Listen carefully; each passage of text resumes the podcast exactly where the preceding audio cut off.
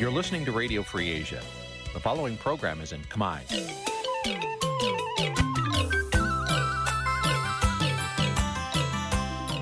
នេះជាកម្មវិធីផ្សាយ Vuthu Azizi Serai នេះជាកម្មវិធីផ្សាយរបស់ Vuthu Azizi Serai ជាភាសាខ្មែរ Vuthu Azizi Serai សូមស្វាគមន៍លោកអ្នកនាងទាំងអស់ពីរដ្ឋធានី Washington នៃសហរដ្ឋអាមេរិកបាទពីរដ្ឋធានី Washington សហរដ្ឋអាមេរិក ខ្ញុំបាទយ៉ងច័ន្ទតារាសូមជម្រាបសួរលោកអ្នកនាងអ្នកស្ដាប់វិទ្យុអាស៊ីសេរីទាំងអស់ជាទីមេត្រីខ្ញុំបាទសូមជូនកម្មវិធីផ្សាយសម្រាប់យប់ថ្ងៃសៅរ៍11រោចខែកដិកឆ្នាំខាលចត្វាស័កពុទ្ធសករាជ2566ដែលត្រូវនឹងថ្ងៃទី19ខែវិច្ឆិកាគ្រិស្តសករាជ2022បាទជាដំបូងនេះសូមអញ្ជើញលោកអ្នកនាងស្ដាប់ព័ត៌មានប្រចាំថ្ងៃដែលមានមេត្តាដូចតទៅ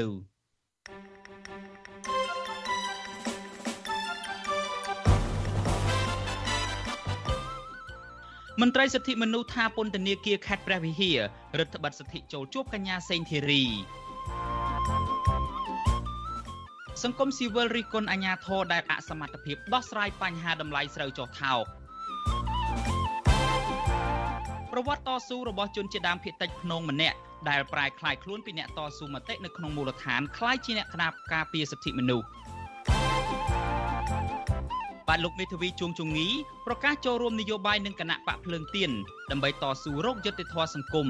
រួមនឹងព័ត៌មានសំខាន់សំខាន់មួយចំនួនទៀតបាទជាបន្តទៅទៀតនេះខ្ញុំបាទយ៉ងច័ន្ទដារាសូមជូនព័ត៌មានទាំងនេះពឺស្ដាបាទលោកអ្នកនាងជាទីមេត្រីមន្ត្រីសិទ្ធិមនុស្សនិងយុវជនខ្មែរថាវរៈខកចិត្តចំពោះអាញាធរពន្ធនាគារខេត្តព្រះវិហារដែលរដ្ឋបတ်លើសិទ្ធិចូលជួបកញ្ញាសេងធីរីជាបន្តបន្ទាប់ ពួកគេចាត់ទុកចំណាត់ការនេះថាជាការអនុវត្តផ្ទុយពីគោលការណ៍ច្បាប់ដើម្បីដាក់សម្ពាធផ្លូវចិត្តលើសកម្មជនសិទ្ធិមនុស្សដែលកំពុងជាប់ឃុំដោយអយុត្តិធម៌បាទលោកសេកបណ្ឌិតរាយការណ៍ព័ត៌មាននេះមន្ត្រីសង្គមស៊ីវិលនិងយុវជនខ្មែរថាវរៈស្នើដល់អាជ្ញាធររដ្ឋាភិបាលបញ្ឈប់ការធ្វើទុកបុកម្នេញនិងបំបិទសិទ្ធិដាក់សម្ពាធសកម្មជនសិទ្ធិមនុស្សសកម្មជននយោបាយជាពិសេសអ្នកជំនាញច្បាប់និងសកម្មជនសិទ្ធិមនុស្សកញ្ញាសេងធីរី ដែលកំពុងជាប់ឃុំនៅពន្ធនាគារខេត្តព្រះវិហារតទៅទៀតប្រធានសមាគមការពារសិទ្ធិមនុស្សអាត6លោកនីសុខាថ្លែងថាតាមច្បាប់ពលរដ្ឋគ្រប់រូបមានសិទ្ធិទទួលបានមេធាវីការពារដោយមេធាវីមិនត្រូវឲ្យដាក់លិខិតស្នើសុំជួបកូនក្តីរបស់ខ្លួន ទៅដល់ក្រសួងឬអគ្គនាយកដ្ឋានពន្ធនាគារឡើយប៉ុន្តែលោកថាករណីមេធាវីសមាគមរបស់លោកដែលទទួលបានការពឹងពាក់ការពីក្តីពីកញ្ញាសេងធារី បែរជាខកខាន ចូលជួបកូនក្តីទៅវិញដោយសារមន្ត្រីពន្ធនាគារខេត្តព្រះវិហារថាតម្រូវឲ្យសុំការអនុញ្ញាតពីក្រសួងមហាផ្ទៃដែលខុសពីនីតិវិធីច្បាប់កំណត់លោកនីសុខាឲ្យដឹងថាលិខិតដែលដាក់ជូនរដ្ឋមន្ត្រីក្រសួងមហាផ្ទៃជាង1ខែមុនទើបខាងលោកទទួលបានការឆ្លើយតបនៅថ្ងៃទី15ខែវិច្ឆិកាដោយអនុញ្ញាតឲ្យតែមេធាវីម្នាក់តែបដិសេធមន្ត្រីសិទ្ធិមនុស្សពីររូបហើយរុញឲ្យដាក់ពាក្យស្នើសុំនៅតុលាការវិញ លោកចាត់ទុកករណីនេះគឺជាការរឹតបន្តឹងហួសហេតុនិងប៉ះពាល់ដល់សិទ្ធិរបស់កញ្ញាសេងធារីទោះយ៉ាងណា លោកថាមេធាវីអាត6នឹងទៅជួបកញ្ញាសេងធារី នៅថ្ងៃទី21ខែកញ្ញាខាងមុខនេះ គ្រប់អ្នកជាប់ឃុំទាំងអស់គឺត្រូវតែមានសិទ្ធិដូចដូចគ្នាទាំងអស់បាទมันអាចមានអ្នកជាប់ឃុំនេះចេះអ្នកជាប់ឃុំនេះចោះទេបាទហើយនេះជាការរឹតបន្តឹងមួយដែលធ្វើឲ្យប៉ះពាល់ទៅដល់សិទ្ធិសេរីភាពរបស់អ្នកជាប់ឃុំក៏ដូចជាសិទ្ធិសេរីភាពរបស់កញ្ញាសេងធារីដែលទទួលបាននៅការជួបរែងក្រុមគ្រួសារជួបមិត្តភ័ក្តិបងប្អូនឬក៏ជួបមេធាវីរបស់គាត់ហើយបាទស្រដៀងគ្នានេះដែរតំណាងយុវជនខ្មែរថាវរៈគឺលោកហ៊ុនវណ្ណៈថ្លែងថាចាប់តាំងពីយុទ្ធនាការបង្អត់អាហារមក សាច់ញាតិនិងមិត្តភ័ក្តិបាត់ដំណឹងកញ្ញាសេងធារីពីពន្ធនាគារដែលធ្វើឲ្យពួកគេព្រួយបារម្ភពីសុវត្ថិភាពនិងសោកទុក្ខជាខ្លាំងខណៈមន្ត្រីពន្ធនាគារព្រះវិហារអនុវត្តវិធានការរឹតបន្តឹងការចូលជួបកញ្ញានៅក្នុងពន្ធនាគារដោយមន្ត្រីនៅទីនោះតម្រូវឲ្យមានឈ្មោះនៅក្នុងសៀវភៅគ្រួសារឬសៀវភៅស្នាក់នៅជាមួយអ្នកជាប់ឃុំ។លោកទៀមទាអាញាធរបញ្ឈប់ការធ្វើទុកបុកម្នេញនិងដោះលែងកញ្ញាសេងធារី ព្រមទាំងអ្នកទោសមនសការផ្សេងទៀតឲ្យមានសេរីភាពមកវិញដោយឥតលក្ខខណ្ឌពីព្រោះពួកគេគ្មានកំហុសដោយការចោទប្រកាន់នោះទេស្នើសុំទៅឲ្យខាងត្រីពុទ្ធនាគារក្រសួងនៅក្នុងក្រសួងមហាផ្ទៃហ្នឹងផ្ដល់ដំណោះស្រាយបញ្ជូនកញ្ញាសេងធារីមកភ្នំពេញហើយ ដកនៅលក្ខខណ្ឌរដ្ឋបတ်មួយចំនួនទៅដល់ទៅដល់គាត់បាទបាទអញ្ចឹងទេគឺយុវជនជាពិសេសក្រុមខ្មែរថាវរៈហ្នឹងយើងទៀមទាតវ៉ានៅរឿងហ្នឹងធ្វើឲ្យប៉ះពាល់មុខមាត់កម្ពុជាបន្តទៀតលោកហ៊ុនវណ្ណៈបញ្ជាក់ថាប្រសិនបើគ្មានការឆ្លើយតបបញ្ហាទាំងនោះទេក្រមយុវជននឹងនាំគ្នាធ្វើសកម្មភាពតស៊ូមតិដោយអហិង្សាដើម្បីផ្ញើសារទៅដល់រដ្ឋាភិបាលឲ្យងាកមកដោះស្រាយសំណូមពរជូនសកម្មជនដែលរងអំពើអយុត្តិធម៌ក្នុងសង្គម វិទ្យុអាស៊ីសេរីនៅពុំតាន់អាចតតងแนะនាំពាក្យអគ្គនាយកដ្ឋានពន្ធនាគារនៃក្រសួងមហាផ្ទៃលោកនុតសាវណ្ណាដើម្បីសូមបញ្ជាក់ជុំវិញរឿងនេះបាននៅឡើយទេនៅថ្ងៃទី19ខែវិច្ឆិកាសមត្ថកិច្ចក្រុងភ្នំពេញបានចាប់ខ្លួនកញ្ញាសេងធារីកាលពីថ្ងៃទី14ខែមិថុនានៅខាងមុខតុលាការក្រុងភ្នំពេញក្រោយពីតុលាការប្រកាសសាលក្រមកាត់ទោស ឲ្យកញ្ញាជាប់ពន្ធនាគារ6ឆ្នាំពីបទចោទរួមគំនិតក្បត់ក្នុងសំណុំរឿងវិលចូលស្រុករបស់លោកសំរាស៊ីកាលពីឆ្នាំ2019មួយថ្ងៃបន្ទាប់មកតុលាការបានបញ្ជូនកញ្ញាទៅឃុំខ្លួននៅពន្ធនាគារខេត្តព្រះវិហារដែលជាតំបន់ដាច់ស្រយាលឆ្ងាយពីរាជធានីភ្នំពេញរហូតមកទល់នឹងពេលបច្ចុប្បន្ននេះតកតោនឹងរឿងនេះក្រមមេធាវីអន្តរជាតិដែលមានទីតាំងនៅទីក្រុង Washington DC នៃសហរដ្ឋអាមេរិកបានដាក់ញត្តិមួយ ទៅកាន់ក្រមការងារឃុំខ្លួនដោយរំលោភបំពាននៃអង្គការសហប្រជាជាតិកាលពីថ្ងៃទី10ខែវិច្ឆិកាដើម្បីសូមឲ្យអង្គការសហប្រជាជាតិជំរុញទៅរដ្ឋាភិបាលកម្ពុជាឲ្យដោះលែងកញ្ញាសេងធារីឲ្យមានសេរីភាពមកវិញមេធាវីអន្តរជាតិលោក Jared Gensi លើកឡើងនៅក្នុងញត្តិនោះថា ការឃុំខ្លួនកញ្ញាសេងធារីគឺធ្វើឡើងដោយរំលោភបំពានសិទ្ធិមនុស្សដែលត្រូវបានទទួលស្គាល់ជាសកល ពីព្រោះតាមរយៈបទចោទប្រកាន់ដែលតុលាការកម្ពុជា បានចោទប្រកាន់កញ្ញាសេងធារីគឺមិនបានផ្អែកទៅលើច្បាប់ត្រឹមត្រូវនោះឡើយដោយសកម្មភាពរបស់កញ្ញាសេងធារីធ្វើកន្លងមកគឺស្របទៅតាមសិទ្ធិសេរីភាពបញ្ចេញមតិនិងសិទ្ធិមនុស្សជាមូលដ្ឋានផ្សេងផ្សេងទៀតតែប៉ុណ្ណោះកាលពីថ្ងៃទី12ខែវិច្ឆិកាសេចក្តីថ្លែងការណ៍របស់សេតវិមាននៃសហរដ្ឋអាមេរិកឲ្យដឹងថាក្នុងជំនួបកិច្ចប្រជុំអាស៊ានលើកទី40និងទី41ដែលកម្ពុជាធ្វើជាម្ចាស់ផ្ទះប្រធានាធិបតីសហរដ្ឋអាមេរិកលោកโจ Biden បានជំរុញទៅលោកនាយករដ្ឋមន្ត្រីហ៊ុនសែនឲ្យដោះលែងអ្នកជាប់ឃុំដែលត្រូវបានចោទប្រកាន់ក្រោមហេតុផលនយោបាយក្នុងនោះ មានកញ្ញាសេងធារី និងស្នើសុំឲ្យបើកលំហសិទ្ធិពលរដ្ឋសង្គមស៊ីវិលនិងសិទ្ធិនយោបាយឡើងវិញនៅមុនការបោះឆ្នោតនៅឆ្នាំ2023ខាងមុខនេះជាមួយគ្នានេះអគ្គលេខាធិការអង្គការសហប្រជាជាតិលោកអាន់តូនីញ៉ូហ្គូតេរេស ដែលបានមកចូលរួមកិច្ចប្រជុំកំពូលអាស៊ាននិងអង្គការសហប្រជាជាតិក៏អំពាវនាវដល់រដ្ឋាភិបាលកម្ពុជាឲ្យបើកលំហសិទ្ធិសេរីភាពជាមូលដ្ឋានរបស់ប្រជាពលរដ្ឋនិងការពារសកម្មជនសិទ្ធិមនុស្សសកម្មជនបរិស្ថានដើម្បីឲ្យពួកគេចូលរួមធ្វើសកម្មភាពក្នុងសង្គមឲ្យបានទូលំទូលាយឡើងវិញខ្ញុំបាទសេកបណ្ឌិតវិទ្យុអាស៊ីសេរីពីរដ្ឋធានី Washington សហរដ្ឋអាមេរិកបាទលោកនាងជាទីមេត្រីពាក់ព័ន្ធទៅនឹងបញ្ហាយុត្តិធម៌សង្គមនេះដែរ លោកមេធាវីជួងជងីដែលជាមេធាវីមិនដែលឈ្នះក្តីពេលការពារក្តីឲ្យអ្នកនយោបាយនិងសកម្មជនសង្គមនៅតែប្រកាន់ជំហរការពារយុត្តិធម៌សង្គមនិងជួយអ្នករងភាពអយុត្តិធម៌ជាបន្តទៅទៀតបើទោះបីជាលោកបានសម្រេចចូលរួមនយោបាយជាមួយគណៈបកភ្លើងទៀនយ៉ាងណាក្តីបាទលោករំពឹងថាការធ្វើនយោបាយរបស់លោកនេះនឹងជាឱកាសឲ្យលោកបានចូលរួមកែលម្អវិស័យយុត្តិធម៌បានទូលាយជាងអាជីពជាមេធាវី បាទការលើកឡើងរបស់លោកជួងជងីនៅពេលនេះគឺបន្ទាប់ពីលោកបានលះបង់ទាំងកម្លាំងកាយនិងកម្លាំងចិត្តព្រមទាំងថវិកាផ្ទាល់ខ្លួនផងអស់រយៈពេលជាច្រើនឆ្នាំមកនេះនៅក្នុងការចូលរួមធានាយុត្តិធម៌សង្គមនិងជួយអ្នករងភាពអយុត្តិធម៌នៅក្នុងអាជីពជាមេធាវីកន្លងមកនេះបានធ្វើឲ្យលោកខកចិត្តបាទលោកអ្នកនាងនឹងបានស្ដាប់សេចក្តីរាយការណ៍នេះពឺស្ដានៅពេលបន្តិចទៀតនេះបាទ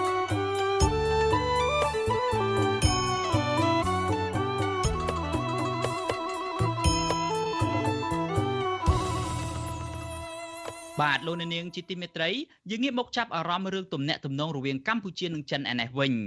ស្ថានទូតចិនប្រចាំកម្ពុជាលើកឡើងជាថ្មីទៀតថា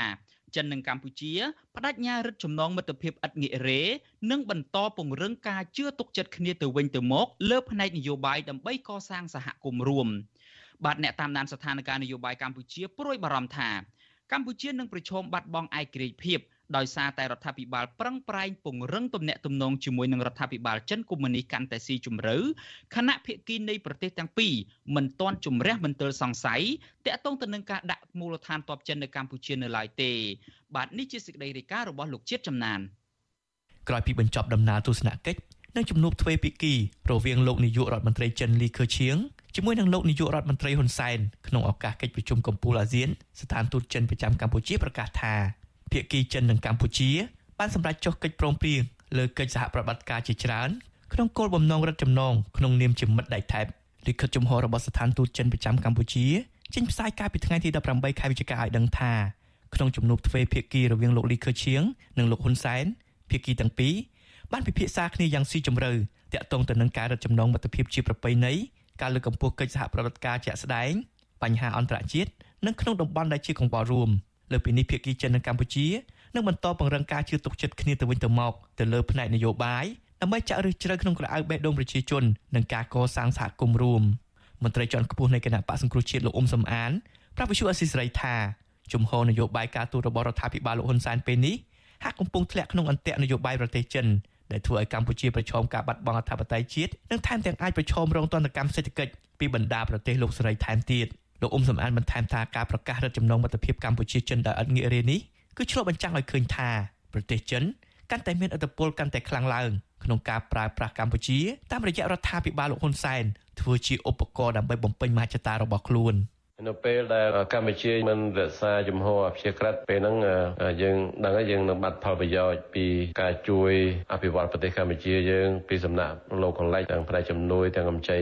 ប្រទេសលោកកន្លែងយើងបានតែមួយចំនួនតូចពីប្រទេសចិនយើងមិនអាចគ្រប់គ្រងសម្រាប់អភិវឌ្ឍសេដ្ឋកិច្ចនៅប្រទេសកម្ពុជាយើងនោះទេហើយនៅពេលដែលកម្ពុជាខ្លាយជាកូនបំណុលរបស់ចិនចិននឹងអាចរឹបអូសយកកំពង់ផែរបស់កម្ពុជាដោយនៅប្រទេសស្រីលង្កាដែលជាពាក់លុយចិនចិនរឹបអូសយកកំពង់ផែនោះជាកម្មសិទ្ធិរបស់ខ្លួនដូច្នេះកម្ពុជានឹងក្លាយទៅជាអាណានិគមនិយមបែបថ្មីរបស់ចិននៅកម្ពុជា នៅពេលដែលកម្ពុជាអបកសោបចិនដើម្បីការពារអំណាចផ្ដាច់ការតវងតកោរបស់លោកហ៊ុនសែនវិសុអាស៊ីស្រីមិនអាចតាក់ទងស្ថានទូតចិនប្រចាំកម្ពុជានិងប្រធានអង្គភិបអ្នកនាំពាក្យរដ្ឋាភិបាលលោកផៃស៊ីផានដើម្បីសូមអត្ថាធិប្បាយឆ្លើយតបទៅនឹងការលើកឡើងនេះបានទេនៅថ្ងៃទី19ខែវិច្ឆិកាលិខិតចំហរបស់ស្ថានទូតចិនបញ្ជាក់ថាភាគីចិននៅកម្ពុជា នឹងពន្លឿនកសាងសហគមន៍រួមតាមរយៈការចុះហត្ថលេខាលើផែនការសកម្មនិងបន្តរឹតចំណងមិត្តភាពដែលឥតងាករេជាងនេះទៅទៀតភាគីចិននៅកម្ពុជាក៏បន្តពង្រឹងកិច្ចសហប្រតិបត្តិការទៅលើវិស័យការពារជាតិការបង្ក្រាបអំពើជួញដូរមនុស្សបទល្មើសឆបោកនិងបទអក្រិតនានាស្ថានទូតចិនអះអាងថាចិនបានលើកកម្ពស់កិច្ចសហប្រតិបត្តិការផលិតកម្មពន្លឿនគម្រោងអាកាសយានដ្ឋានអន្តរជាតិសៀមរាបអង្គរថ្មីគម្រោងខ្សែកាបអុបទិកបាតសមុទ្រក្នុងខេត្តប្រសេអនុ និងកែលម្អហេដ្ឋារចនាសម្ព័ន្ធនៅកម្ពុជាជាដើមមុនកម្ពុជាបើកកិច្ចប្រជុំកំពូលអាស៊ានលោកហ៊ុនសែនបានទទួលជំនួបទ្វេភាគីជាមួយលោកលីខឺឈៀងដោយភាគីទាំងពីរបញ្ជាក់ថានឹងប្រើប្រាស់ឲ្យអស់សក្តានុពលនៃយន្តការផ្លាស់ប្ដូរនិងកិច្ចសហប្រតិបត្តិការយោធា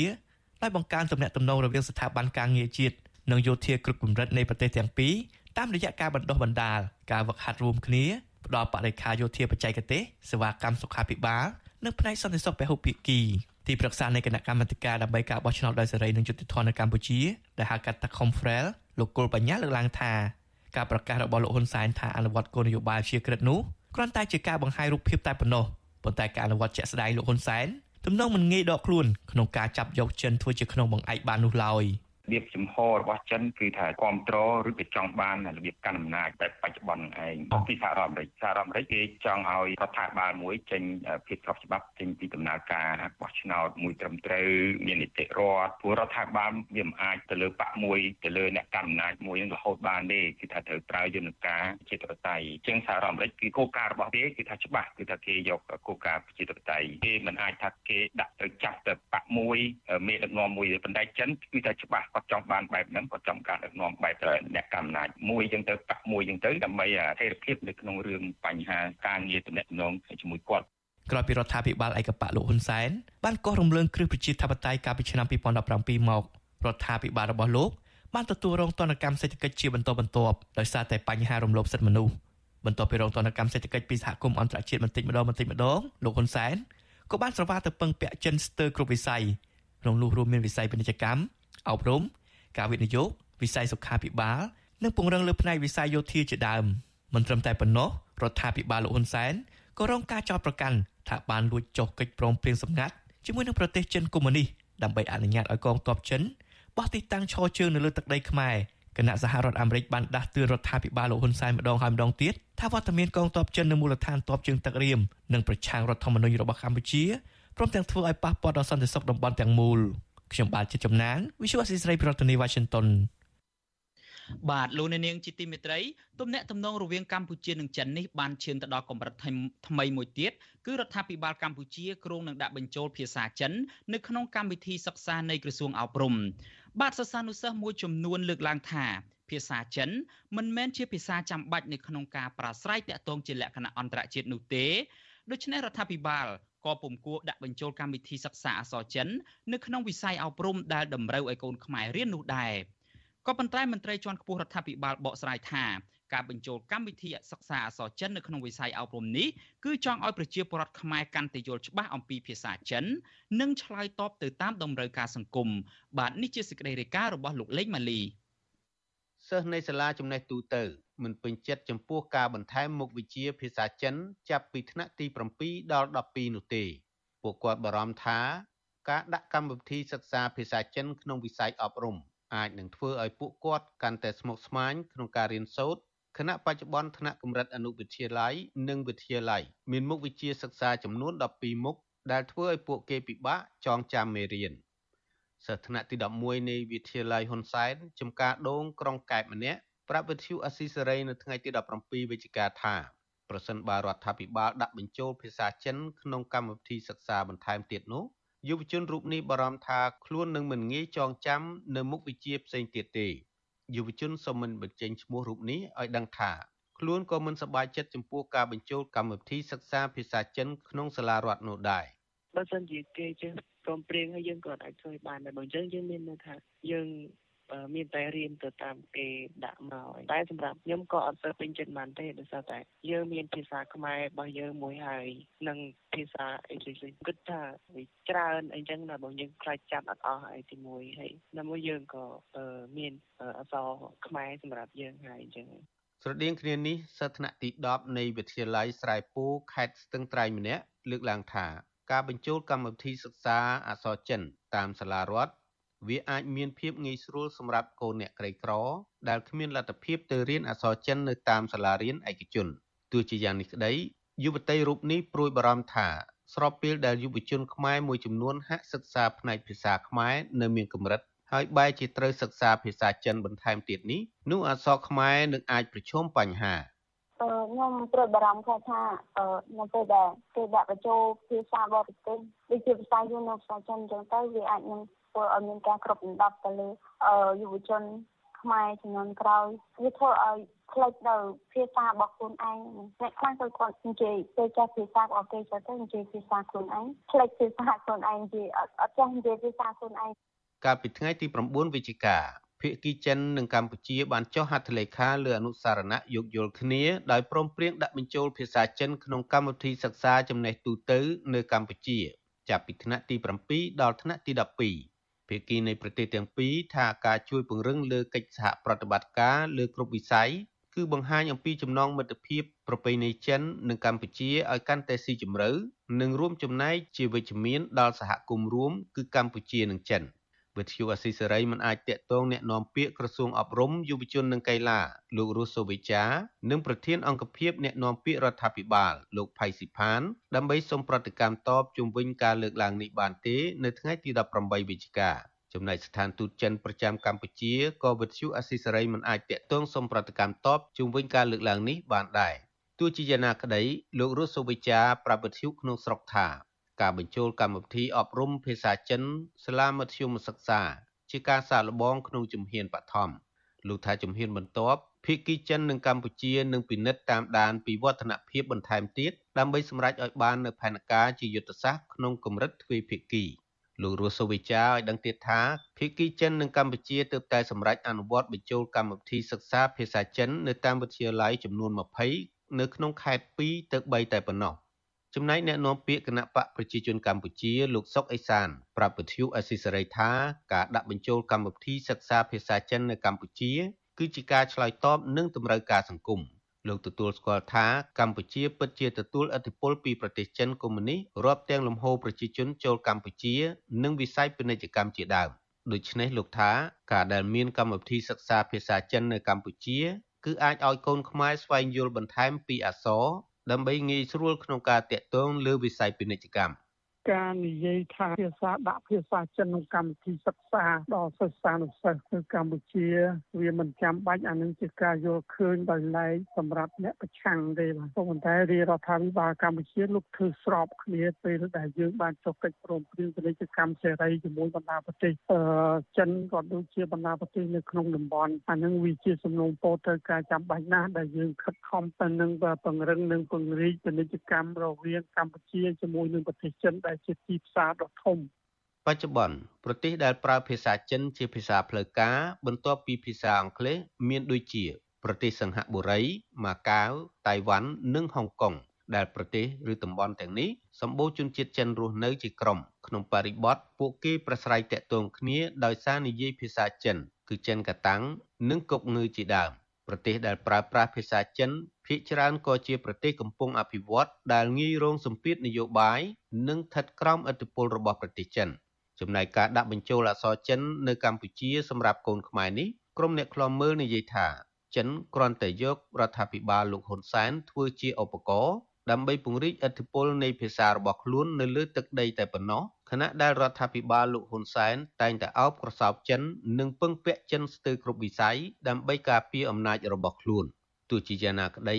ព្រះសង្ឃមួយអង្គដែលតែងតែឈឺឆ្អាលបញ្ហាសង្គមគឺព្រះដេចគុណប៉មសុខៃវណ្ណៈមានថេរដីកាថាកម្ពុជាមិនគួរបើកចំហឲ្យប្រពៃណីវប្បធម៌បរទេសអក្សរចិនដាក់ក្នុងវិស័យអប់រំដែលតម្រូវឲ្យកូនខ្មែរត្រូវតែរៀនសូត្រនោះទេ។ យើងមិនឲ្យដាក់យើងមិនមានភាពរឹងអានទេនៅពេលដែលពិភពលោកគេមិនទាន់ទទួលស្គាល់ជាភាសាការទូតមួយដែលប្រើប្រាស់សម្រាប់ទំនាក់ទំនងគ្នាអញ្ចឹងណាប៉ុន្តែឧទាហរណ៍នៅពេលដែលភាសាអង់គ្លេសភាសាវៀតណាមគេដាក់នៅបាតំបងថ្នាក់ធំអញ្ចឹងគេដាក់ដើម្បីថាតើយើងចូលចិត្តភាសាណាយើងសិក្សាភាសាហ្នឹងអូខេអាហ្នឹងជាទូទៅហើយនៅពេលដែលសិស្សទី12គាត់មានសមត្ថភាពក្នុងការប្រឡងចប់ហើយគាត់បានសិក្សាប៉ុន្តែយើងមើលឃើញថានៅពេលដែលដាក់ភាសាចិនចង់តែមិនចង់យុវជនឬក៏កូនខ្មែរនឹងត្រូវតែរៀននឹងប៉ះពាល់ដល់អារម្មណ៍យុវជនប៉ះពាល់វប្បធម៌នៃអក្សរសាស្ត្រជាតិរបស់យើងដែរបច្ចុប្បន្នភាសាបារាំងនិងភាសាអង់គ្លេសត្រូវបានក្រសួងអប់រំដាក់បញ្ចូលក្នុងកម្មវិធីសិក្សាចំណេះទូទៅនៅកម្ពុជារួចទៅហើយដោយឡែកកាលពីពេលថ្មីថ្មីនេះរដ្ឋាភិបាលកម្ពុជាក៏បានយល់ព្រមឲ្យវៀតណាមបង្កើតដេប៉ាតឺម៉ង់ភាសាវៀតណាមនៅសាកលវិទ្យាល័យភូមិន្ទភ្នំពេញដែរដែលបណ្ដាលឲ្យមានការរិះគន់ពីប្រជាពលរដ្ឋម្ដងហើយខ្ញុំបាទលេងម៉ាលីវិទ្យុអស៊ីសេរីពីរដ្ឋធានី Washington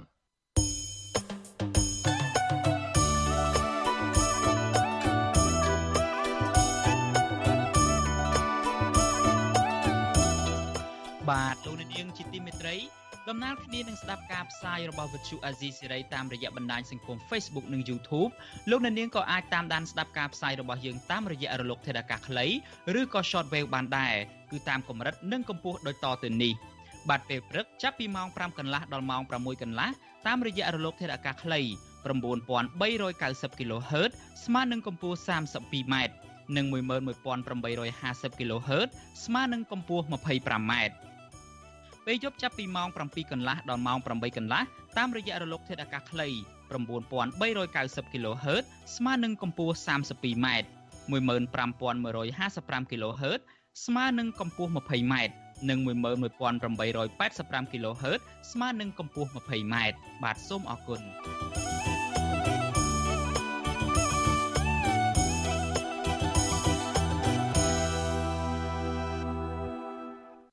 បាទលោកនាងជាទីមេត្រីតកតងទៅនឹងបញ្ហាសុខភាពរបស់លោកនាយករដ្ឋមន្ត្រីហ៊ុនសែនវិញបាទលោកហ៊ុនសែនបានអះអាងថាលោកបានជាសះស្បើយពីជំងឺ Covid-19 ទាំងស្រុងហើយបាទលោកហ៊ុនសែនបានសរសេរនៅក្នុងទំព័រ Facebook របស់លោកនៅថ្ងៃទី19ខែវិច្ឆិកានេះថាគ្រូពេទ្យនៅមន្ទីរពេទ្យកាឡាម៉ែតបានធ្វើតេស្តបញ្ជាក់ថាលោកអវិជ្ជមានជំងឺ Covid-19 និងបានចេញលិខិតបញ្ជាក់ពីលទ្ធផលធ្វើតេស្តនេះផងដែរ លោកបន្តថាចាប់ពីថ្ងៃអាទិត្យទី20ខែវិច្ឆិកាស្អែកនេះតទៅលោកមានកម្មវិធីពេញមួយសប្តាហ៍និងសង្ឃឹមថាច្បាស់ជាមិនហត់ពេកនោះទេបាទនៅក្នុងចំណោមគណៈប្រតិភូជាន់ខ្ពស់របស់រដ្ឋាភិបាលចំនួនជាង40នាក់ដែលអមដំណើរលោកនាយរដ្ឋមន្ត្រីហ៊ុនសែនទៅចូលរួមកិច្ចប្រជុំកំពូលនៃក្រមប្រទេសមានសេដ្ឋកិច្ចធំធំទាំង20ហៅកាត់ថា G20 នៅប្រទេសឥណ្ឌូនេស៊ីគ្មាននរណាម្នាក់ឆ្លងជំងឺ Covid-19 នោះទេលើកលែងតែលោកនាយរដ្ឋមន្ត្រីហ៊ុនសែនម្នាក់ឯងប៉ុណ្ណោះ។ បាទលោកហ៊ុនសែនបញ្ជាក់ថាលោកមិនអាចចាត់តំណាងឲ្យចូលរួមកិច្ចប្រជុំកំពូល Z20 បាននោះទេពីព្រោះកម្ពុជាមិនមែនជាសមាជិកក្រុមប្រទេស Z20 លោកថាការចូលរួមរបស់លោកគឺក្នុងឋានៈជាប្រធានអាស៊ានតបតាមការអញ្ជើញរបស់ប្រទេសឥណ្ឌូនេស៊ីដែលជាម្ចាស់ផ្ទះបន្ថែមពីលើនេះលោកហ៊ុនសែនក៏ខកខានមិនអាចចូលរួមនៅក្នុងកិច្ចប្រជុំស្ដីពីកិច្ចសហប្រតិបត្តិការសេដ្ឋកិច្ចតំបន់អាស៊ីប៉ាស៊ីហ្វិកហៅកាត់ថា APEC នៅប្រទេសថៃបាននោះដែរ បាទតកតងទៅនឹងជំងឺ Covid-19 នេះដែរក្រសួងសុខាភិបាលនៅថ្ងៃទី19ខែវិច្ឆិកានេះបានចេញសេចក្តីប្រកាសព័ត៌មានបញ្ជាក់ពីការបន្តរកឃើញអ្នកឆ្លងជំងឺ Covid-19 ចំនួន5នាក់ខណៈគ្មានអ្នកជាសះស្បើយនោះទេបាទគិតត្រឹមថ្ងៃទី19ខែវិច្ឆិកានេះកម្ពុជារកឃើញអ្នកឆ្លងជំងឺ Covid-19 សរុបចំនួនជាង138,000នាក់ អ្នកជាសះស្បើយសរុបចំនួនជិត135,000នាក់និងមិនមាននឹងមានអ្នកស្លាប់សរុបចំនួន3056នាក់បាទ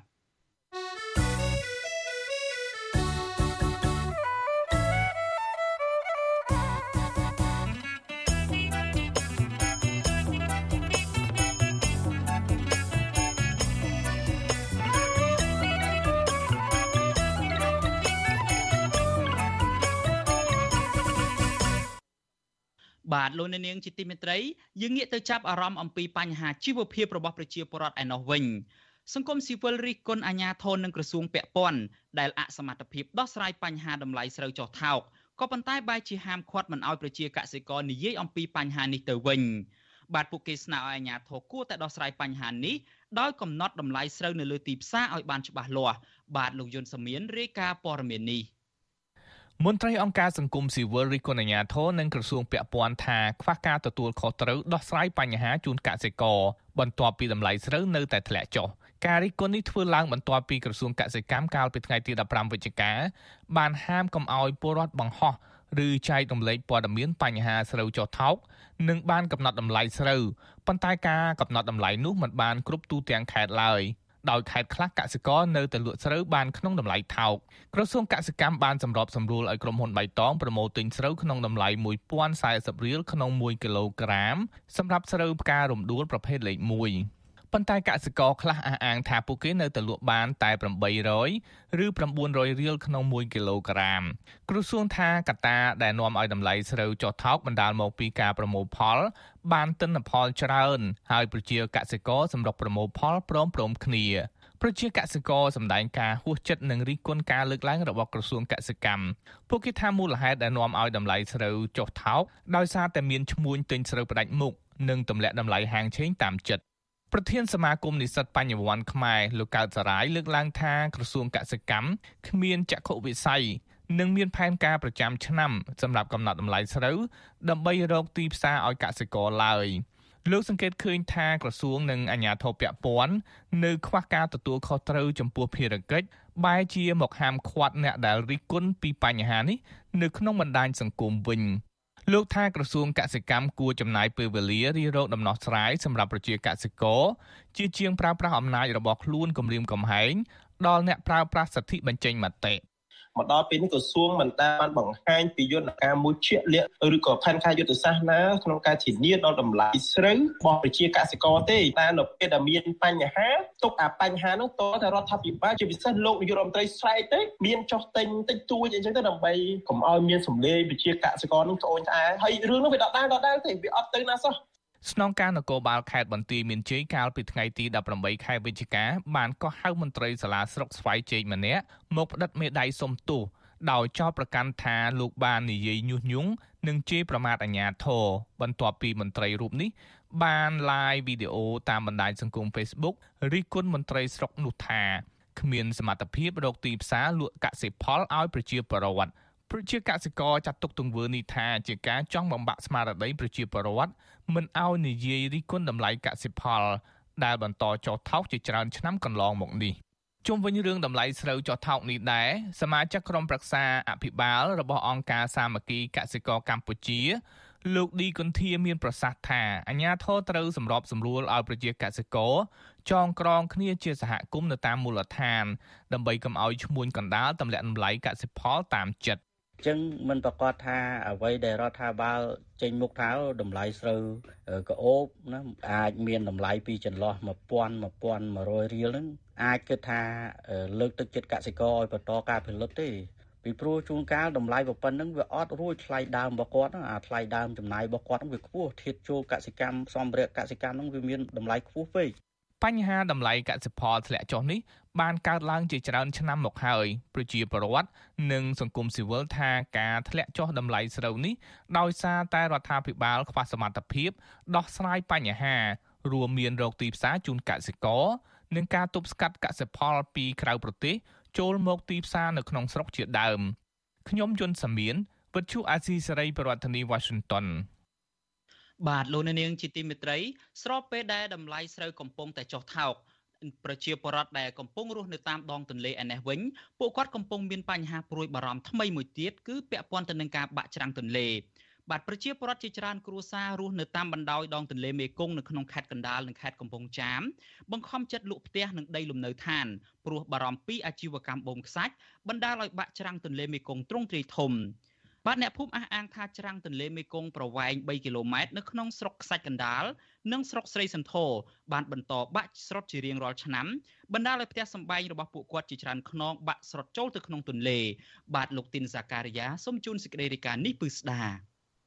ច្រាំងទន្លេមេគង្គប្រវែងជាង3គីឡូម៉ែត្រចាប់ពីចំណុចថ្មដាភូមិជ័យឃុំមានជ័យខេត្តកំពង់ចាមរហូតទល់នឹងភូមិត្រាំងលើស្រុកសាច់កណ្ដាលនិងឃុំរកាកងស្រុកមុខកំពូលខេត្តកណ្ដាលនៅតែបន្តបាក់ស្រុតជារៀងរាល់ឆ្នាំ បណ្ដាលឲ្យផ្ទះសម្បែងបរដ្ឋជាច្រើនខ្នងផុងចូលទឹកទន្លេបាតុភិបនេះបានលងបន្លាយស្មារតីបរដ្ឋដែលមានលំនៅឋានតាមបណ្ដោយមាត់ទន្លេមេគង្គដោយមានបរដ្ឋខ្លះរុះរើផ្ទះរំកិលទៅឆ្ងាយពីច្រាំងទន្លេនិងមានបរដ្ឋខ្លះទៀតបង្ខំចិត្តលក់ផ្ទះក្នុងតម្លៃថោកថោកប្រជាពលរដ្ឋដែលមានលំនៅឋានជាប់មាត់ទន្លេក្នុងភូមិជ័យឃុំមានជ័យឲ្យដឹងថាពេលនេះគ្រឿងចាក់មិនក្រោម50គ្រឿងរួមមានកណូតនិងសាឡុង បន្តដឹកខ្សាច់អណ្ដែតពេញទឹកទន្លេមេគង្គជារាល់ថ្ងៃនៅចំណុចកោះរការហូតដល់ឃុំរកាកោងខេត្តកណ្ដាលទល់នឹងឃុំមានជ័យស្រុកស្រីសន្ធរខេត្តកំពង់ចាមអ្នកភូមិថាអាជីវកម្មបូមខ្សាច់ខ្នាតធំទាំងនេះកើតមានជិត10ឆ្នាំមកហើយប្រជាពលរដ្ឋរងគ្រោះនៅភូមិមានជ័យឃុំមានជ័យលោកម៉ៃសាវែនប្រាប់វិទ្យុអាស៊ីសេរីនៅថ្ងៃទី18វិច្ឆិកាថាគ្រួសារលោកបង្ខំចិត្តរុះរើផ្ទះឈើពីរដងមកហើយដើម្បីរំកិលទៅទីសុវត្ថិភាព ដោយសារតែច្រាំងទន្លេមេគង្គបន្តបាក់ស្រុតជារៀងរាល់ឆ្នាំលោកថាការរុះរើផ្ទះឈើម្ដងម្ដងត្រូវចំណាយប្រាក់ជាង10000ដុល្លារនិងពេលវេលាច្រើនខែរីឯផ្ទះថ្មពុំអាចរុះរើបានឡើយតែតែបាក់ស្រុតចូលទន្លេអស់ជាច្រើនខ្នងលោកបានថែមថាមកទល់ពេលនេះអ្នកភូមិរំរើគ្រួសារបង្ខំចិត្តលក់ផ្ទះតាមបណ្ដោយមាត់ទន្លេក្នុងតម្លៃថោកថោកនិងមានប្រដ្ឋខ្លះទៀតរុះរើផ្ទះចេញ។ តាំងតាំងពីក្អែកមកពុំជ័យកោះកោនេះប្រហែលជារាប់រយគ្រួសារមិនប្រហែលរយទេព្រោះតែទលេបាក់រត់ហើយហើយលក់តនតាមមកទលេលក់ព្រោះលក់ខោខោចេះលក់ទៅ2000 3000ចេះលក់ទៅបើមិនទេជួយទលេទៅគ្នាណាសងយើងទេទលេជួយទលេអស់ហើយការធ្វើដល់អ្នកស្លាប់ក៏អង្គុយភ័យបាក់រហូតហ្នឹងនឹងគិតមិនវានឹងរត់ទៅណាដល់បាក់នឹងទៅណាក្រលក់ចោលទៅកសិកររូបនេះបន្ថែមថាកាលពីជាង40ឆ្នាំមុនអាងទន្លេមេគង្គនៅតំបន់ដែលលោករស់នៅ មានទទឹងជិត100ម៉ែត្រប៉ុណ្ណោះ ប៉ុន្តែបច្ចុប្បន្នផ្ទៃទឹកទន្លេកាន់តែរីកធំឡើងជារៀងរាល់ឆ្នាំដោយមានប្រវែងទទឹង3គីឡូម៉ែត្រលោកថាគ្រួសារលោកបង្ខំចិត្តលក់ផ្ទះមួយកន្លែងនៅមាត់ទន្លេមេគង្គក្នុងតម្លៃ5000ដុល្លារប្រតែគ្មានជំរឿពលរដ្ឋម្នាក់ទៀតថ្លែងសុំមិនបញ្ចេញឈ្មោះឲ្យដឹងថាក្រុមហ៊ុនឯកជនមួយចំនួនបន្តបូមខ្សាច់ធម្មជាតិលក់ដោយមិនខ្វល់ពីផលប៉ះពាល់ផ្ទះសម្បែងផ្លូវថ្នល់និងដីស្រែចម្ការពលរដ្ឋដែលបាក់ស្រុតចូលទន្លេនោះឡើយ លោកថាអ្នកភូមិកំពុងតែភ័យខ្លាចបាតុភិបនេះតែពួកគាត់មិនហ៊ានលើកគ្នាតវ៉ាឡើយព្រោះខ្លាចអាជ្ញាធរធ្វើបាបលោកបន្ថែមថាកន្លងទៅដោយស្រ័យចំការអ្នកភូមិនិងផ្ទះបរតរាប់សិបខ្នងក្នុងឃុំរស័យជ្រោយឃុំតាអាចនិងឃុំរកាកោងបានបាក់ស្រុតចូលទន្លេអាជ្ញាធរបានយកអំណោយតិចតួចចែកជូនបរតរងគ្រោះដោយមិនបានជំរុញឲ្យក្រុមហ៊ុនផ្ដាល់សំណងនោះឡើយ។ បូមយកទៅខ្សាច់ហ្នឹងកណាជាតិទឹកវាហៀពីសឡងចេញមកវិញអញ្ចឹងណាបាទហើយនេសាទលែងមានត្រីនេសាទដល់ហ្នឹងអញ្ចឹងជាបរដ្ឋគាត់ឈប់នេសាទទៅគាត់ទៅមុខរបបផ្សេងទៀតក្រៅពីនេសាទត្រីហ្នឹងទៅព្រោះនេសាទត្រីលែងបានហើយអញ្ចឹងណាវិទ្យុអសិរ័យមិនអាចតកតងអភិបាលខេត្តកណ្ដាលលោកកុងសុភ័ណ្ឌដើម្បីសំសួរអំពីបញ្ហានេះបានទេកាលពីថ្ងៃទី18វិច្ឆិកាប៉ុន្តែអភិបាលខេត្តរំនេះបានចុះពិនិត្យស្ថានភាពបងខ្សាច់នៅដងទន្លេមេគង្គខេត្តកណ្ដាលដោយអះអាងប្រាប់បរដ្ឋនិងអាជ្ញាធរមូលដ្ឋានថា អាជ្ញាធរខេត្តនឹងធ្វើរបាយការណ៍ពីបញ្ហានេះដាក់ជូនរដ្ឋាភិបាលដើម្បីស្នើឲ្យពិនិត្យនិងចាត់វិធានការដោះស្រាយមេឃុំមានជ័យលោកដុបប៊ុនហុងលើកឡើងថា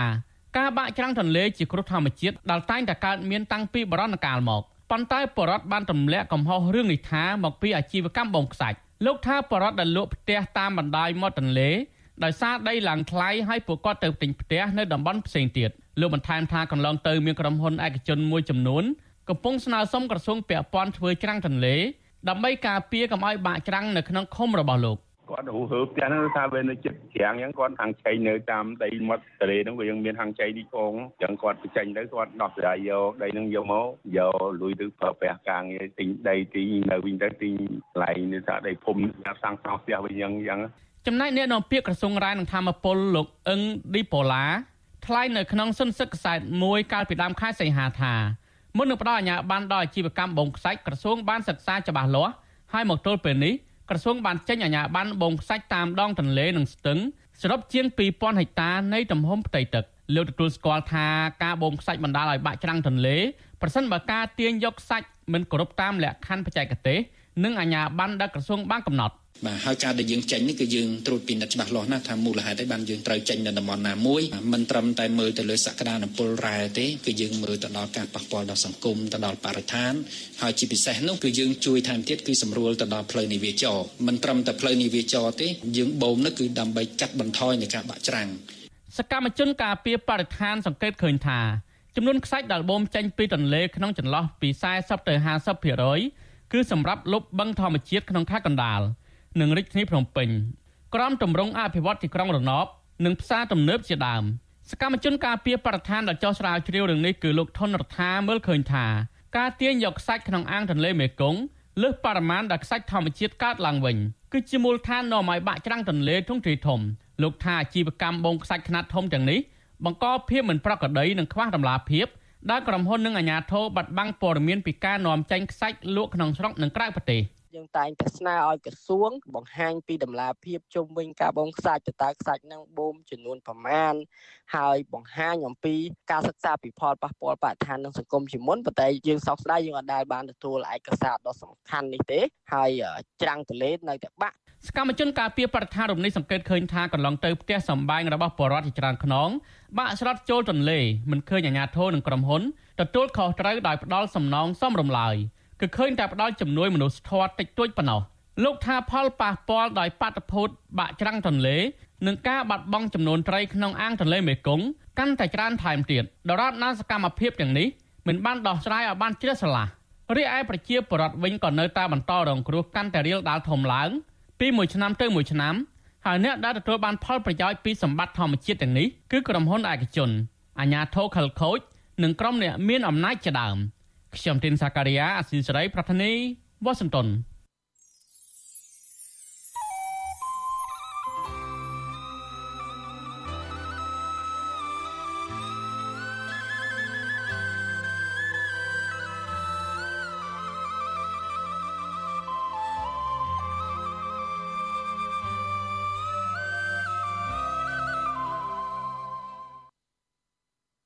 នាងជាទីមេត្រី លោកមេធាវីជួងជងីដែលជាមេធាវីមិនដែលឈ្នះក្តីពេលការពារក្តីឲ្យអ្នកនយោបាយនិងសកម្មជនសង្គមនៅតែប្រកាន់ជំហរការពារយុត្តិធម៌សង្គមនិងជួយអ្នករងភាពអយុត្តិធម៌ជាបន្តទៀតបើទោះបីជាលោកបានសម្រេចចូលរួមនយោបាយជាមួយគណៈបកភ្លើងទៀនទៅហើយក្តីបាទលោករំពឹងថាការធ្វើនយោបាយរបស់លោកនេះនឹងជាឱកាសឲ្យលោកបានចូលរួមកែលម្អវិស័យយុតិធធបានទូលំទូលាយជាងអាជីពជាមេធាវី បាទអ្នកស្រីសុជីវីសូមជូនសេចក្តីរាយការណ៍នេះពឹស្ដា ការមិនសមបំណងនៅក្នុងអាជីពជាមេធាវីឬការមិនអាចឲ្យលោកឈ្នះក្តីនៅក្នុងសំណុំរឿងការពារអ្នកនយោបាយនិងសកម្មជនសង្គមគឺជាមូលហេតុចម្បងមួយនៅក្នុងមូលហេតុមួយចំនួនទៀតដែលលោកជួងជូងីយកមកអះអាងក្នុងការដើរចូលឆាកនយោបាយជាមួយគណៈបកភ្លើងទៀនលោកជួងជូងីថ្លែងប្រាប់វិទ្យុអាស៊ីសេរីថាជាអ្នកច្បាប់ម្នាក់លោកតែងដឹងច្បាស់ថារឿងក្តីដែលលោកកាន់តែងមានភាគរយច្រើននឹងឈ្នះក្តីប្រសិនបើតុលាការ ឬប្រព័ន្ធតុលាការកម្ពុជា អាចធានាផ្ដល់យុត្តិធម៌ពិតប្រាកដដល់ប្រជាពលរដ្ឋឲ្យបានស្មើស្មើភាពគ្នា និងពុំមានការរើសអើងប៉ុន្តែជាញឹកញាប់យើងខកចិត្តនៅពេលដែលសេចក្តីសម្រេចរបស់តុលាការអឺសម្រេចមកធ្វើឲ្យយើងពិបាកទទួលយកប៉ុន្តែយើងអត់មានជំរឿសយើងត្រូវតែប្រឈមតទៅទៀតដោយមានការលើកទឹកចិត្តពីកងក្តីរបស់យើងនិងមានការលើកទឹកចិត្តពីប្រជាប្រដ្ឋទូទៅជាមួយគ្នានេះលោកជួងជូងីមើលឃើញថា ប្រព័ន្ធដែលធានាផ្ដល់យុត្តិធម៌ដល់ពលរដ្ឋនៅមានចំណុចខ្វះខាតច្រើន ដែលចាំបាច់ត្រូវមានការផ្លាស់ប្ដូរឲ្យបានល្អជាងនេះលោកគិតថាមានតែធ្វើជាអ្នកនយោបាយទេទើបអាចចូលរួមជួយវិស័យយុតិធធបានទូលំទូលាយជាងមុនលោកជឿថាជាអ្នកនយោបាយជាពិសេសជាអ្នកតំណាងរាស្ត្រលោកនឹងអាចជួយឲ្យការបង្កើតច្បាប់ និងអនុវត្តច្បាប់ឆ្លើយតបទៅនឹងតម្រូវការរបស់ប្រជាពលរដ្ឋបានកាន់តែច្រើនមេធាវីមិនអាចចុះទៅ ជួបមហាជនបានទលាយមានការរដ្ឋបិទក្នុងក្នុងវិជ្ជាជីវៈនឹងតែប៉ុន្តែបើអ្នកនយោបាយវិញគឺជួបទលាយតែម្ដងនៅមុនពេលសម្រាប់ចិត្តចូលរួមជាមួយនឹងគណៈបកភ្លើងទៀនលោកជួងជងីបានឆ្លងកាត់ការលំបាកជាច្រើននៅក្នុងនាមជាមេធាវីជួយការពារអ្នកនយោបាយប្រឆាំងសកម្មជនសង្គមសកម្មជនដីធ្លីជនរងគ្រោះនិងអ្នកក្រីក្រ ក្នុងនោះរួមមានទាំងការប្រឈមនឹងសវត្ថភាពផ្ទាល់ខ្លួនមិនមានចំណូលដោយមេធាវីដតី និងចំណាយថវិកាផ្ទាល់ខ្លួនដើម្បីជួយការពារក្តីថែមទៀតក្នុងដំណាក់កាលដែលស្ថានភាពសិទ្ធិមនុស្សនិងប្រជាធិបតេយ្យនៅកម្ពុជាធ្លាក់ចុះក្រោយការរំលាយគណៈបកសង្គ្រោះជាតិលោកជួងជងីដែលជាមេធាវីដ៏មានថ្វីមាត់តតាំងក្តីនៅក្នុងសវនកម្មឬការតតាំងក្តីជាមួយអ្នកមានអំណាចនិងមានឥទ្ធិពលបានបង្ខំចិត្តរដ្ឋបិទសេរីភាពខ្លួនឯងផងដែរនោះមិនមែនដោយសារតែលោកបាត់បង់ភាពក្លាហានឬភ័យខ្លាចចំពោះការធ្វើទុកបុកម្នេញឡើយ ប៉ុន្តែលោកមើលឃើញថាអ្នកនយោបាយបកប្រឆាំងនិងអ្នកសកម្មធ្វើការងារសង្គមត្រូវការលោកឲ្យជួយតតាំងក្តីការពារពួកគេខ្ញុំមើលឃើញយ៉ាងច្បាស់ថាខ្ញុំមានទូនីតិសំខាន់ខ្លាំងណាស់សម្រាប់ជួយការពារសកម្មជនជួយការពារអ្នកដែលហ៊ានតវ៉ាដើម្បីរកយុត្តិធម៌ដើម្បីមានប្រជាធិបតេយ្យស្រុកខ្មែរអញ្ចឹងទូនីតិរបស់ខ្ញុំសំខាន់ក្នុងការរកយុត្តិធម៌និងក្នុងការចូលរួមជួយជំរុញឲ្យស្រុកខ្មែរយើងទៅជាការគោរពច្បាប់ឬក៏ទៅជានីតិរដ្ឋ នេះក៏ទំនងជាហេតុផលមួយដែលធ្វើឲ្យលោកហាក់នឿយណាយនឹងអាជីពជាមេធាវីរបស់លោកដែរព្រោះលោកថាការរដ្ឋបិទសិទ្ធិសេរីភាពនៅក្នុងការនិយាយស្ដីបែបនេះគឺខុសពីនិស័យកំណត់របស់លោក ដែលលោកតែងហ៊ាននិយាយហ៊ានរិះគន់តតាំងនឹងការគៀបសង្កត់ឬអយុត្តិធម៌ណាមួយក្នុងវ័យជាង50ឆ្នាំ លោកជួងជងីបានប្រឡូកនៅក្នុងអាជីពជាអ្នកការពារក្តីជាង10ឆ្នាំមកហើយលោកជាប់ឈ្មោះជាមេធាវីខ្សត់ទ្របតែមានទឹកចិត្ត ជាមេធាវីឥតខ្លាចរអាបើទោះបីជាលោកត្រូវការពារកូនក្តីតទល់នឹងអ្នកមានអំណាចកំពូល និងអ្នកមានលុយកាក់ក្តីលោកបានការពាររឿងក្តីរបស់អ្នកនយោបាយអ្នកធ្វើការងារសង្គមអ្នកតស៊ូមតិជាច្រើនអ្នកក្នុងនោះក៏មានអតីតមេបកប្រឆាំងលោកសំរងស៊ីក្នុងសំណុំរឿងដកដំរីបង្គោលព្រំដែននិងរឿងផែនទីកម្ពុជាវៀតណាមលោកកឹមសុខាប្រធានគណៈបកសង្គ្រោះជាតិក្នុងសំណុំរឿងចោតប្រកាន់ រឿងអាស្រូវស្នេហាជាមួយនាងខុមច័ន្ទដារាទីហៅស្រីមុំនិងរឿងមិនទទួលស្គាល់ប្រវត្តិសាស្ត្រខ្មែរក្រហមក្រុមតំណាងរាស្ត្រគណៈបកសង្គ្រោះជាតិដែលរួមមានអ្នកស្រីមូសុខហួរលោកម៉ែនសុថាវរិននិងលោកកៅភិរមជាដើមក្នុងសំណុំរឿងអំពើហិង្សានៅទីលានប្រជាធិបតេយ្យតំណាងរាស្ត្រលោកអ៊ុំសំអាន សមាជិកព្រឹទ្ធសភាលោកហុងសុខហួរលោកមេឃសវណ្ណារា និងអ្នកវិភាគនយោបាយលោកកឹមសុខជាដើមចុងក្រោយនេះ លោកមេធាវីការពារក្តីឲ្យក្រុមមន្ត្រីសកម្មជនគណៈបកសង្គ្រោះជាតិដែលត្រូវតុលាការកាត់ក្តីទាំងក្រុមទាំងក្រុមនិងសំណុំរឿងស្ត្រីខ្មែរសញ្ជាតិអាមេរិកកញ្ញាសេងធីរីលោកជួងជងីក៏ទទួលការពីរឿងក្តីធំមួយដោយមិនយកប្រាក់គឺសំណុំរឿងមេដឹកនាំសហជីពលោករងឈុនដែលត្រូវជាប់ចោតពីបទញុះញង់ក្នុងសំណុំរឿងកង្វល់របស់ពលរដ្ឋបាត់ដីស្រែដោយសារតែការបោះបង្គោលព្រំដែនជាមួយវៀតណាមគឺរឿងទាំងអស់នេះហើយដែលលោកជួងជងី មិនដែលឈ្នះក្តីសោះបើទោះបីជាលោកប្រឹងប្រែងអស់សមត្ថភាព ការពារយ៉ាងណាក្តីដែលផ្ទុយគ្នាស្រឡះពីរឿងក្តីធម្មតា ដែលមានឈ្នះមានចាញ់ការការពារឲ្យកម្មជនទាំងហ្នឹងគឺបានតែបំពេញទៅតាមនីតិវិធីទេប៉ុន្តែអាការទីទីរោគយុទ្ធសាស្ត្រសញ្ញាគាត់គឺនៅឆ្ងាយពីព្រោះគាត់ត្រូវបានជាប់ប្រកាន់ដោយមន្ត្រីរដ្ឋាភិបាលឬក៏អ្នកមានអំណាចដូច្នេះការទីមទីរោគយុទ្ធសាស្ត្រសញ្ញាគោលដីប្រភេទហ្នឹងគឺនៅឆ្ងាយលោកជួងជងីបញ្ជាក់ថា បើទោះបីជាលោកបានសម្រួចគោលដៅអនាគតទៅជាអ្នកនយោបាយក្តីក៏លោកនៅតែបន្តអាជីពជាមេធាវីបន្តទៀតដែរតែលោកក៏ត្រៀមខ្លួនថាអាចនឹងព្យួរតួនាទីនេះនៅពេលណាមួយ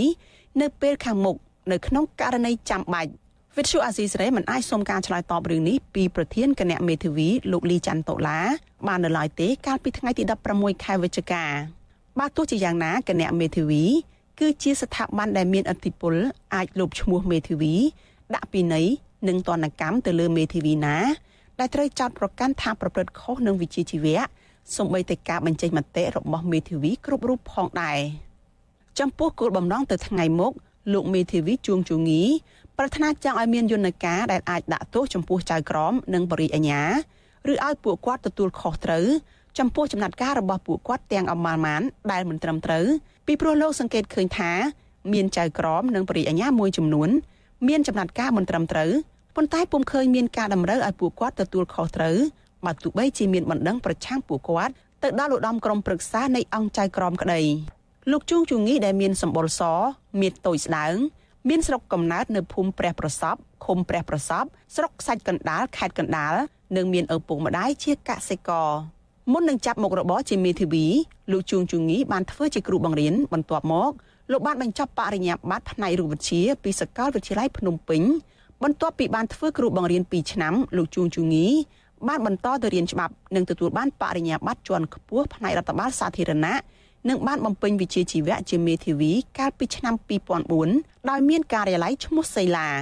លោកជួងជងីរំលឹកថាម្ដាយរបស់លោកប្រាប់លោកថាធ្វើជាមនុស្សឲ្យដឹងខុសត្រូវ កុំរំលោភបំពានគេ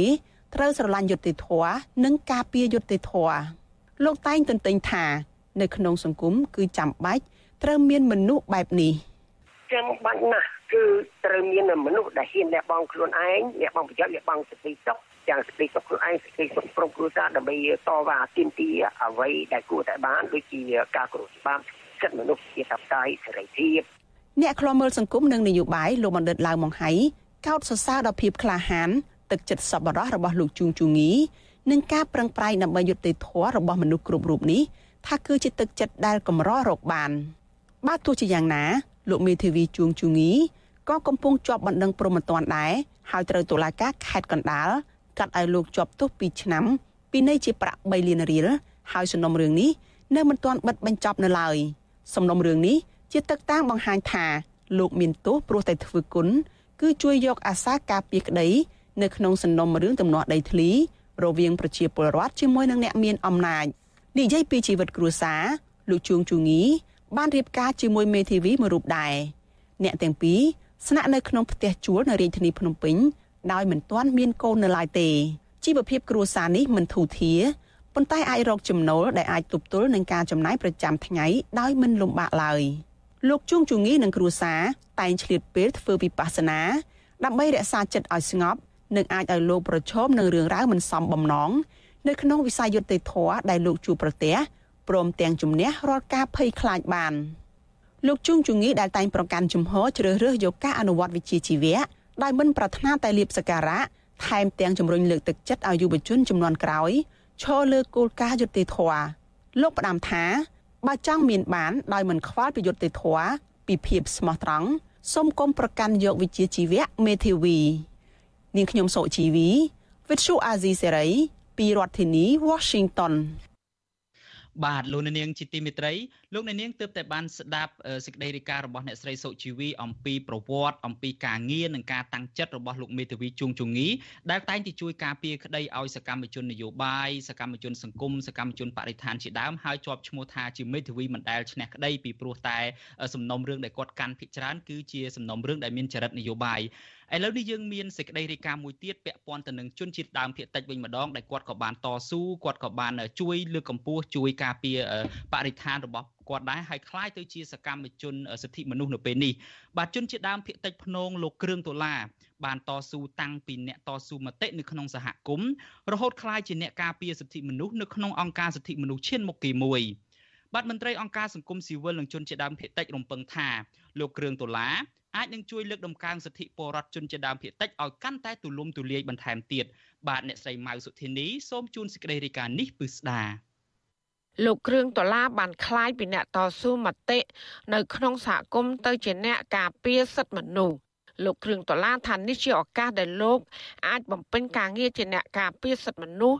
បានទូលំទូលាយជាងមុនហើយក៏អាចធ្វើឲ្យប្រជាសហគមន៍កាន់តែយល់ដឹងថែមទៀតពីសិទ្ធិរបស់ខ្លួន ពីការគ្រប់គ្រងដីចំការដីផ្ទះនិងដីកប់សពជាដើមបរោះសម្បល់ខ្មៅជនជាតិដើមភាគតិចភ្នងរូបនេះមានជំនឿថានៅពេលដែលបរដ្ឋនៅក្នុងសហគមន៍ជាពិសេសជនជាតិដើមភាគតិចយល់ដឹងពីសិទ្ធិរបស់ខ្លួនពួកគេនឹងមិនភ័យខ្លាចក្នុងការប្រើប្រាស់សិទ្ធិរបស់ខ្លួនទៀតឡើយ ខ្ញុំក៏ថាវាជាឱកាសមួយ សម្រាប់ក្នុងការរៀនសូត្រហើយជាឱកាសមួយ សម្រាប់បង្កើនការយល់ដឹងរបស់ខ្ញុំហើយក៏ដូចជាជាឱកាសមួយសម្រាប់ជួយដល់សហគមន៍នៅខេត្តមនោគ្រីនឹងឲ្យមានការកើនឡើងឲ្យគាត់យល់ពីសិទ្ធិរបស់គាត់បាទបងជាដើមផ្សេងយើងមានសិទ្ធិរហូតដល់5ពិសេសកន្លែងហ្នឹងណាបងគាត់មានដីដីចំការ1ដីផ្ទះ2គាត់មានព្រៃតំណមគាត់មានកន្លែងកប់សពហើយនឹងព្រៃគាត់សម្រាប់ក្រងទុកដល់កូនដល់ចៅសម្រាប់អនាគតអញ្ចឹងគាត់ខុសខុសគ្នារហូតដល់3អញ្ចឹងអានេះហើយគេហៅថាច្បាប់ពិសេសរបស់ជំនាញបន្តិចបងលោកគ្រឿងដុល្លារមានវ័យ32ឆ្នាំ បានកសាងគ្រួសារជាមួយស្ត្រីជនជាតិដើមភាគតិចដូចគ្នា និងទទួលបានកូនពីរនាក់ជាចំណងដៃ ក្រៅពីអាចនិយាយភាសាភ្នងលោកក៏បានរៀនចាប់បរិញ្ញាបត្ររងផ្នែកគ្រប់គ្រងធនធានមនុស្សហើយសប្តាហ៍កំពុងបន្តការសិក្សាថ្នាក់បរិញ្ញាបត្រផ្នែកច្បាប់ថែមទៀត។ លោកគ្រឿងដុល្លារទៅចូលបំពេញការងារមន្ត្រីខ្លំមើលសិទ្ធិមនុស្សនៃសមាគមការពារសិទ្ធិមនុស្សអាត60ប្រចាំខេត្តមណ្ឌលគិរីកាលពីពេលថ្មីថ្មីនេះប៉ុន្តែលោកក៏បានធ្វើការងារក្នុងវិស័យសិទ្ធិមនុស្សជិត10ឆ្នាំមកហើយមុនពេលដែលខ្លាយជាអ្នកតស៊ូមតិលោកគ្រឿងដុល្លារគឺជាមន្ត្រីជាប់កិច្ចសន្យានៅសាលាដំបងខេត្តមណ្ឌលគិរីហើយលោកក៏ធ្លាប់ជាបុគ្គលិកក្រុមហ៊ុនឯកជនផងដែរ ដោយសារតែចិត្តស្រឡាញ់ការងារសហគមន៍និងការលើកកម្ពស់ផ្នែកសិទ្ធិមនុស្សលោកគ្រឿងដុល្លារបានលាឈប់ពីការងារទាំងនេះនិងបានផ្ដួចផ្ដើមបង្កើតបណ្ដាញសហគមន៍ជនជាតិដើមភាគតិច កាលពីឆ្នាំ2015ហើយបានជាប់ជាប្រធានសហគមន៍មួយអាណត្តិដែលមានរយៈពេល3ឆ្នាំ ក្រោយមកលោកក៏បានបដូរកាន់តួនាទីជាទីប្រឹក្សាសហគមន៍ជនជាតិដើមភាគតិចវិញម្ដង និងចុងក្រោយនេះលោកក៏បានក្លាយជាអ្នកការពារសិទ្ធិមនុស្សរបស់សមាគមការពារសិទ្ធិមនុស្សអាត់ហុកលោកគ្រឿងដុល្លារឲ្យដឹងដែរថាកន្លងមកលោកបានតស៊ូមតិជាមួយសមត្ថកិច្ចដែលបានស្នើឲ្យដល់លែងប្រជាពលរដ្ឋដែលមានបញ្ហាដីធ្លី ពីព្រោះសមត្ថកិច្ចបានចាប់ពលរដ្ឋខុសនីតិវិធី ហើយពលរដ្ឋក៏ត្រូវបានសមត្ថកិច្ចដោះលែងមកវិញ។ គេហៅថារួបរวมកម្លាំងសាមគ្គីគ្នាណាសហគមន៍ទូទាំងខេត្តហ្នឹងអានឹងជាគោលបំណងដែលខ្ញុំបង្កើតការហ្នឹងបាទទី2ឲ្យមានសម្លេងតែមួយបាទយុទ្ធតាមតិចក្នុងខេត្តមនូគ្រីហ្នឹងគឺឲ្យមានសម្លេងតែមួយដើម្បីស្នើសុំឬទាមទារអ្វីមួយពីអាជ្ញាធរមូលដ្ឋានឲ្យគាត់ជួយដោះស្រាយបាទទី3ហ្នឹងគឺយើងគោលបំណងរបស់យើងហ្នឹងគឺរក្សាការពារវប្បធម៌ប្រពៃណីវប្បធម៌ហ្នឹងប្រជាដីធ្លីព្រៃឈើហ្នឹងការរំលោភបំពានសិទ្ធិយុត្តិធម៌ប្រទេសហ្នឹង តាក់ទងនឹងការបំពេញការងារលើផ្នែកសិទ្ធិមនុស្សនៅពេលនេះលោកគ្រឿងដុល្លារយល់ថាទោះបីជាការងារដូចគ្នាក៏ដោយក៏ប៉ុន្តែរបៀបធ្វើការងារខុសគ្នាពីព្រោះពីមុន លោកធ្វើការបែបឯករាជ្យប៉ុន្តែពេលនេះលោកត្រូវបំពេញការងារដែលមានក្រមសីលធម៌គោរពបទបញ្ជាផ្ទៃក្នុង និងវិន័យរបស់ស្ថាប័នលោកឲ្យដឹងទៀតថាការងារថ្មីនេះលោកទទួលបន្ទុកផ្នែកដីធ្លី ប្រៃឈើសិទ្ធិស្ត្រី និងសិទ្ធិកុមារ យើងធ្វើអន្តរកម្មទៅតាមគេហៅថាបែបបត់មានន័យថាឧទាហរណ៍រឿងដីធ្លីយើងតើយើងអន្តរកម្មតាមរបៀបម៉េចរឿងប្រៃឈើយើងគូតាអន្តរកម្មតាមរបៀបម៉េចហើយរឿងស្ត្រីយើងគូអន្តរកម្មតាមរបៀបម៉េចអញ្ចឹងមានន័យថាទី1យើងត្រូវមានការវគ្គបណ្ដុះបណ្ដាលឲ្យពួកគាត់ទី2យើងត្រូវការតំណងជាមួយអាជ្ញាធរនេះពាក់ព័ន្ធនិងទី3យើងត្រូវរកផ្លូវដើម្បីឲ្យពួកគាត់មានសង្ឃឹមមានន័យថាគាត់អាចដើរអាចទីមទីបានអញ្ចឹងណា សមាគមការពារសិទ្ធិនោះនិងអភិវឌ្ឍនៅកម្ពុជាហៅកាត់ថាអាត់ហុកបានផ្ដល់ឱកាសការងារឲ្យលោកគ្រឿងដុល្លារធ្វើជាមន្ត្រីខ្លំមើលសិទ្ធិមនុស្សប្រចាំនៅខេត្តមណ្ឌលគិរីដែលជាខេត្តកំណើតរបស់លោកតើតងរឿងនេះអ្នកនាំពាក្យសមាគមការពារសិទ្ធិមនុស្សអាត់ហុកលោកសង្សានករណាឲ្យដឹងដែរថាការទទួលយកលោកគ្រឿងដុល្លារធ្វើជាមន្ត្រីការពារសិទ្ធិមនុស្សរបស់សមាគមពីព្រោះកន្លងមកជនជាតិដើមភាគតិចរូបនេះ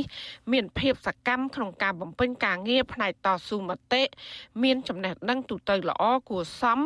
បើធៀបទៅនឹងជនជាតិដើមភាគតិចផ្សេងទៀតនៅក្នុងតំបន់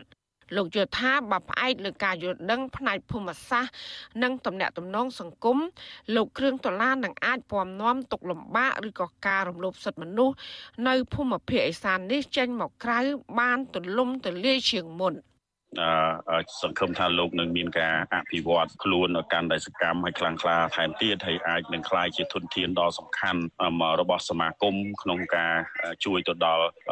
បេសកកម្មនិងការងាររបស់សមាគមដើម្បីបម្រើនៅផលប្រយោជន៍ដល់សង្គមជាតិយើងនឹងផងដែរបាទ សស្រដៀងគ្នានេះដែរជនជាតិភៀតតិចម្នាក់ទៀតរស់នៅខេត្តមណ្ឌលគិរីលោកស្រីផ្លឹកភិរមបង្ហាញចិត្តរីករាយនៅពេលដែលឃើញជនជាតិដើមភៀតតិចអាចបំពេញការងារជាអ្នកការពារសិទ្ធិមនុស្សលោកស្រីឲ្យដឹងទៀតថានៅតំបន់លោកស្រីរស់នៅ មានបញ្ហារំលោភសិទ្ធិមនុស្សនិងការបំផ្លាញប្រៃឈើជាច្រើនដែលត្រូវការឲ្យមានអ្នកជួយនាំយកបញ្ហាទាំងនេះផ្ដល់ទៅអាជ្ញាធរនិងអ្នកពាក់ព័ន្ធដើម្បីដោះស្រាយ ទន្ទឹមគ្នានេះដែរលោកត្រីផ្លឹកភិរមបារម្ភខ្លាចលោកគ្រឿងដុល្លារនៅពេលដែលបំពេញការងារត្រូវបានមន្ត្រីខលខូចឬក៏ឈ្មួញបំផ្លាញប្រៃឈើធ្វើបាបទោះយ៉ាងណាស្ត្រីជនជាតិដើមភាគតិចភ្នងរូបនេះអះអាងថាប្រសិនបើលោកគ្រឿងដុល្លារបំពេញការងារដើម្បីបម្រើប្រយោជន៍សង្គមនិងបរិវត្តបើសិនជាទួទទួលរងការគំរាមកំហែងដោយសារតែការបំពេញការងារនេះនោះក្រមប្រជាពលរដ្ឋក៏ត្រៀមជួយការពារលោកគ្រឿងដុល្លារនោះដែរ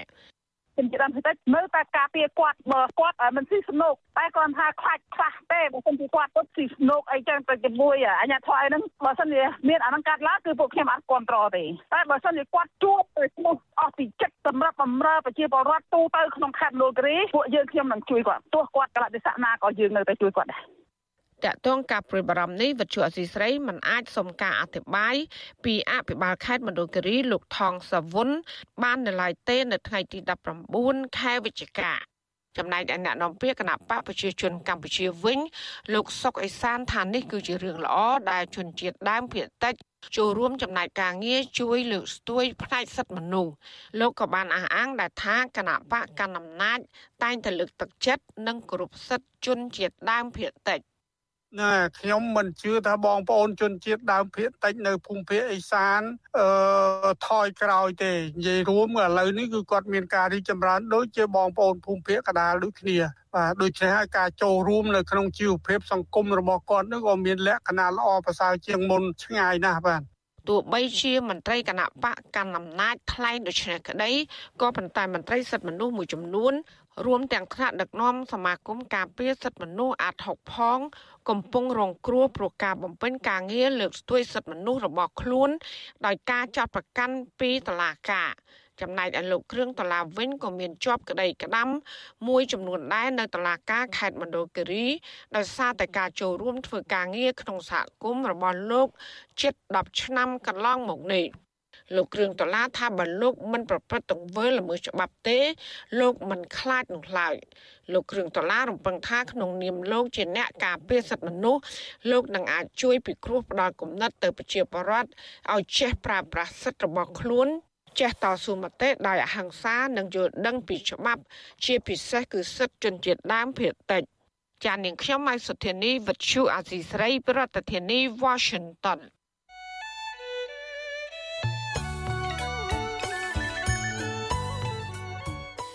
បាទលោកនាងជាទីមេត្រី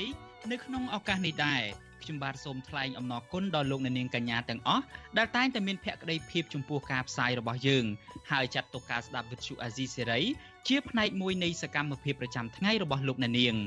បាទការគ្រប់គ្រងរបស់លោកនាងនេះហើយដែលធ្វើឲ្យយើងខ្ញុំមានទឹកចិត្តកាន់តែខ្លាំងក្លាបន្ថែមទៀតនៅក្នុងការស្វែងរកនិងផ្តល់ព័ត៌មានពិតជូនលោកនាង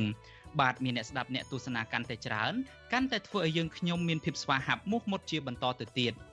បាទយើងខ្ញុំសូមអរគុណទុកជាមុនហើយសូមអញ្ជើញលោកអ្នកនាងកញ្ញាទាំងអស់ចូលរួមជំរុញឲ្យសកម្មភាពផ្តល់ព័ត៌មានយើងនេះកាន់តែជោគជ័យបន្ថែមទៀតបាទលោកអ្នកនាងអាចចូលរួមជួយយើងខ្ញុំបានដោយគ្រាន់តែចុចចែករំលែកឬមួយក៏ share ការផ្សាយរបស់យើងនៅលើបណ្ដាញសង្គម Facebook និង YouTube ទៅកាន់មិត្តភ័ក្តិដើម្បីឲ្យការផ្សាយរបស់យើងនេះបានទៅដល់មនុស្សកាន់តែច្រើន បាទសូមអរគុណ